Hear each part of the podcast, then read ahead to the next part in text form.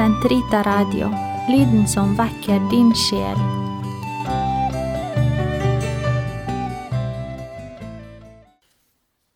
Den katolske kirkes katekisme på ett år. Uke to, søndag. Fra fjerde hoveddel kristen bønn. Første paragraf 2566 til 2573. Første kapittel Åpenbaringen av bønnen Alles kall til å be. Mennesket er på leting etter Gud. Ved skapelsen kaller Gud hvert vesen ut av intet til å være. Mennesket, kronet med herlighet og ære, er, nest etter englene, i stand til å innse at Stort er ditt navn over den vide jord. Salme 8,2. Selv etter å ha mistet gudlikheten ved sin synd, er mennesket fremdeles i sin skapers bilde. Det beholder lengselen etter ham som vekker det til liv. Alle religioner vitner om denne grunnleggende lengsel hos mennesket. Gud kaller mennesket først. Enten når mennesket glemmer sin skaper, eller gjemmer seg langt bort fra hans åsyn, om det, løp, om det løper etter sine gudebilder, eller anklager guddommen for å ha forlatt det, så stevner den levende og sanne Gud uten opphør mennesket lønndomsfullt møte med seg i bønnen. Den trofaste Guds kjærlighet begir seg alltid først av gårde. Det mennesket yter, er alltid kun et svar. Etter hvert som Gud gir seg til kjenne og lærer mennesket å kjenne seg selv, fremtrer bønnen som et gjensidig tilrop et paktsdrama. I ord og handling trekker dette dramaet hjertet med seg.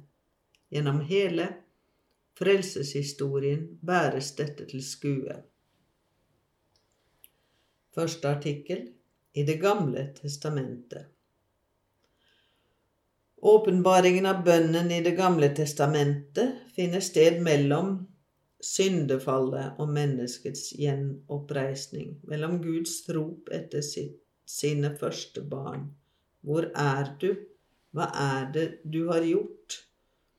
Og svaret fra den enbårne sønn som kommer inn i verden. Her er jeg for å gjøre din vilje, Gud.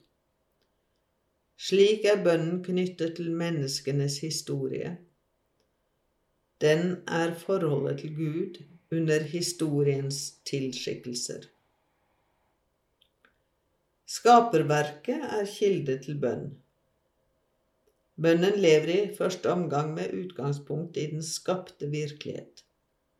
De ni første kapitlene i Genesis beskriver denne forbindelsen til Gud. Abels ofring av de førstefødte i saueflokken, som enårs som påkaller Guds navn, som må vandre med Gud. Noas offer finner nåde for Herrens øyne. Gud velsigner ham, og gjennom ham hele skaperverket, fordi hans hjerte er rettferdig og hederlig. Også han vandrer med Gud. En mengde rettferdige i alle religioner lever i slik god bønn.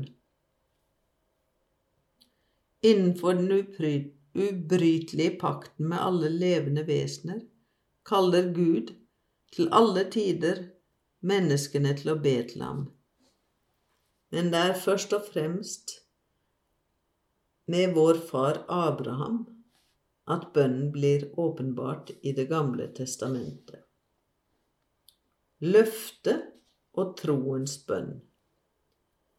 Så snart Gud hadde kalt ham, dro Abraham av sted som Herren hadde sagt ham. Hans hjerte er lydig mot ordet, han adlyder. Å lytte med et hjerte som bestemmer seg slik Gud vil, er vesentlig for bønnen, og ordene viser hen til dette. Men Abrahams bønn uttrykkes først og fremst i gjerning. Som den tause mannen han er, bygger han på hver rasteplass et alter til Herren. Først senere hører vi om hans første bønn med ord. En dulgt klage som minner Gud om hva han har lovet, og som ikke synes å gå i oppfyllelse. Slik legger, legges helt fra begynnelsen av en av sidene ved bønnens drama for dagen. Troen på Guds trofasthet settes på prøve. Abraham trodde Gud, vandret i hans nærvær og i pakt med ham.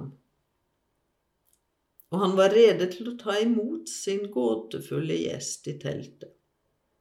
Denne vidunderlige gjestfriheten i Mamre Lund er forspillet til bebudelsen av den sanne, løftets sønn.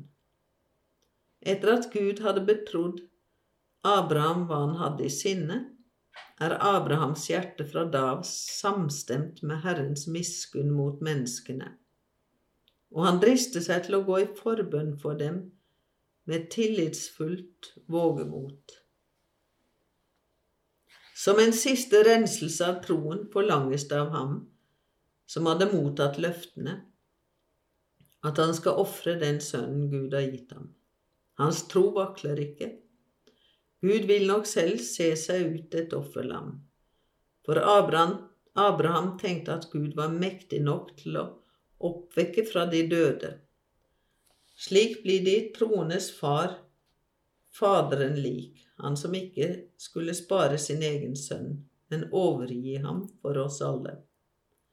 Bønn gjenoppretter i mennesket likheten med Gud og gjør det delaktig i Guds kjærlighetskraft, som frelser de mange. Gud fornyer løftet til Jakob, stamfar til Israels tolv stammer. Før han møter sin bror Esau, slåss han en hel natt med en gåtefull mann som nekter å si hvem han er, men som velsigner ham før han forlater ham ved daggry. Kirkens åndelige tradisjon har bitt seg merke i denne fortellingen som et symbol på bønnen som en troskamp og seier gjennom utholdenhet.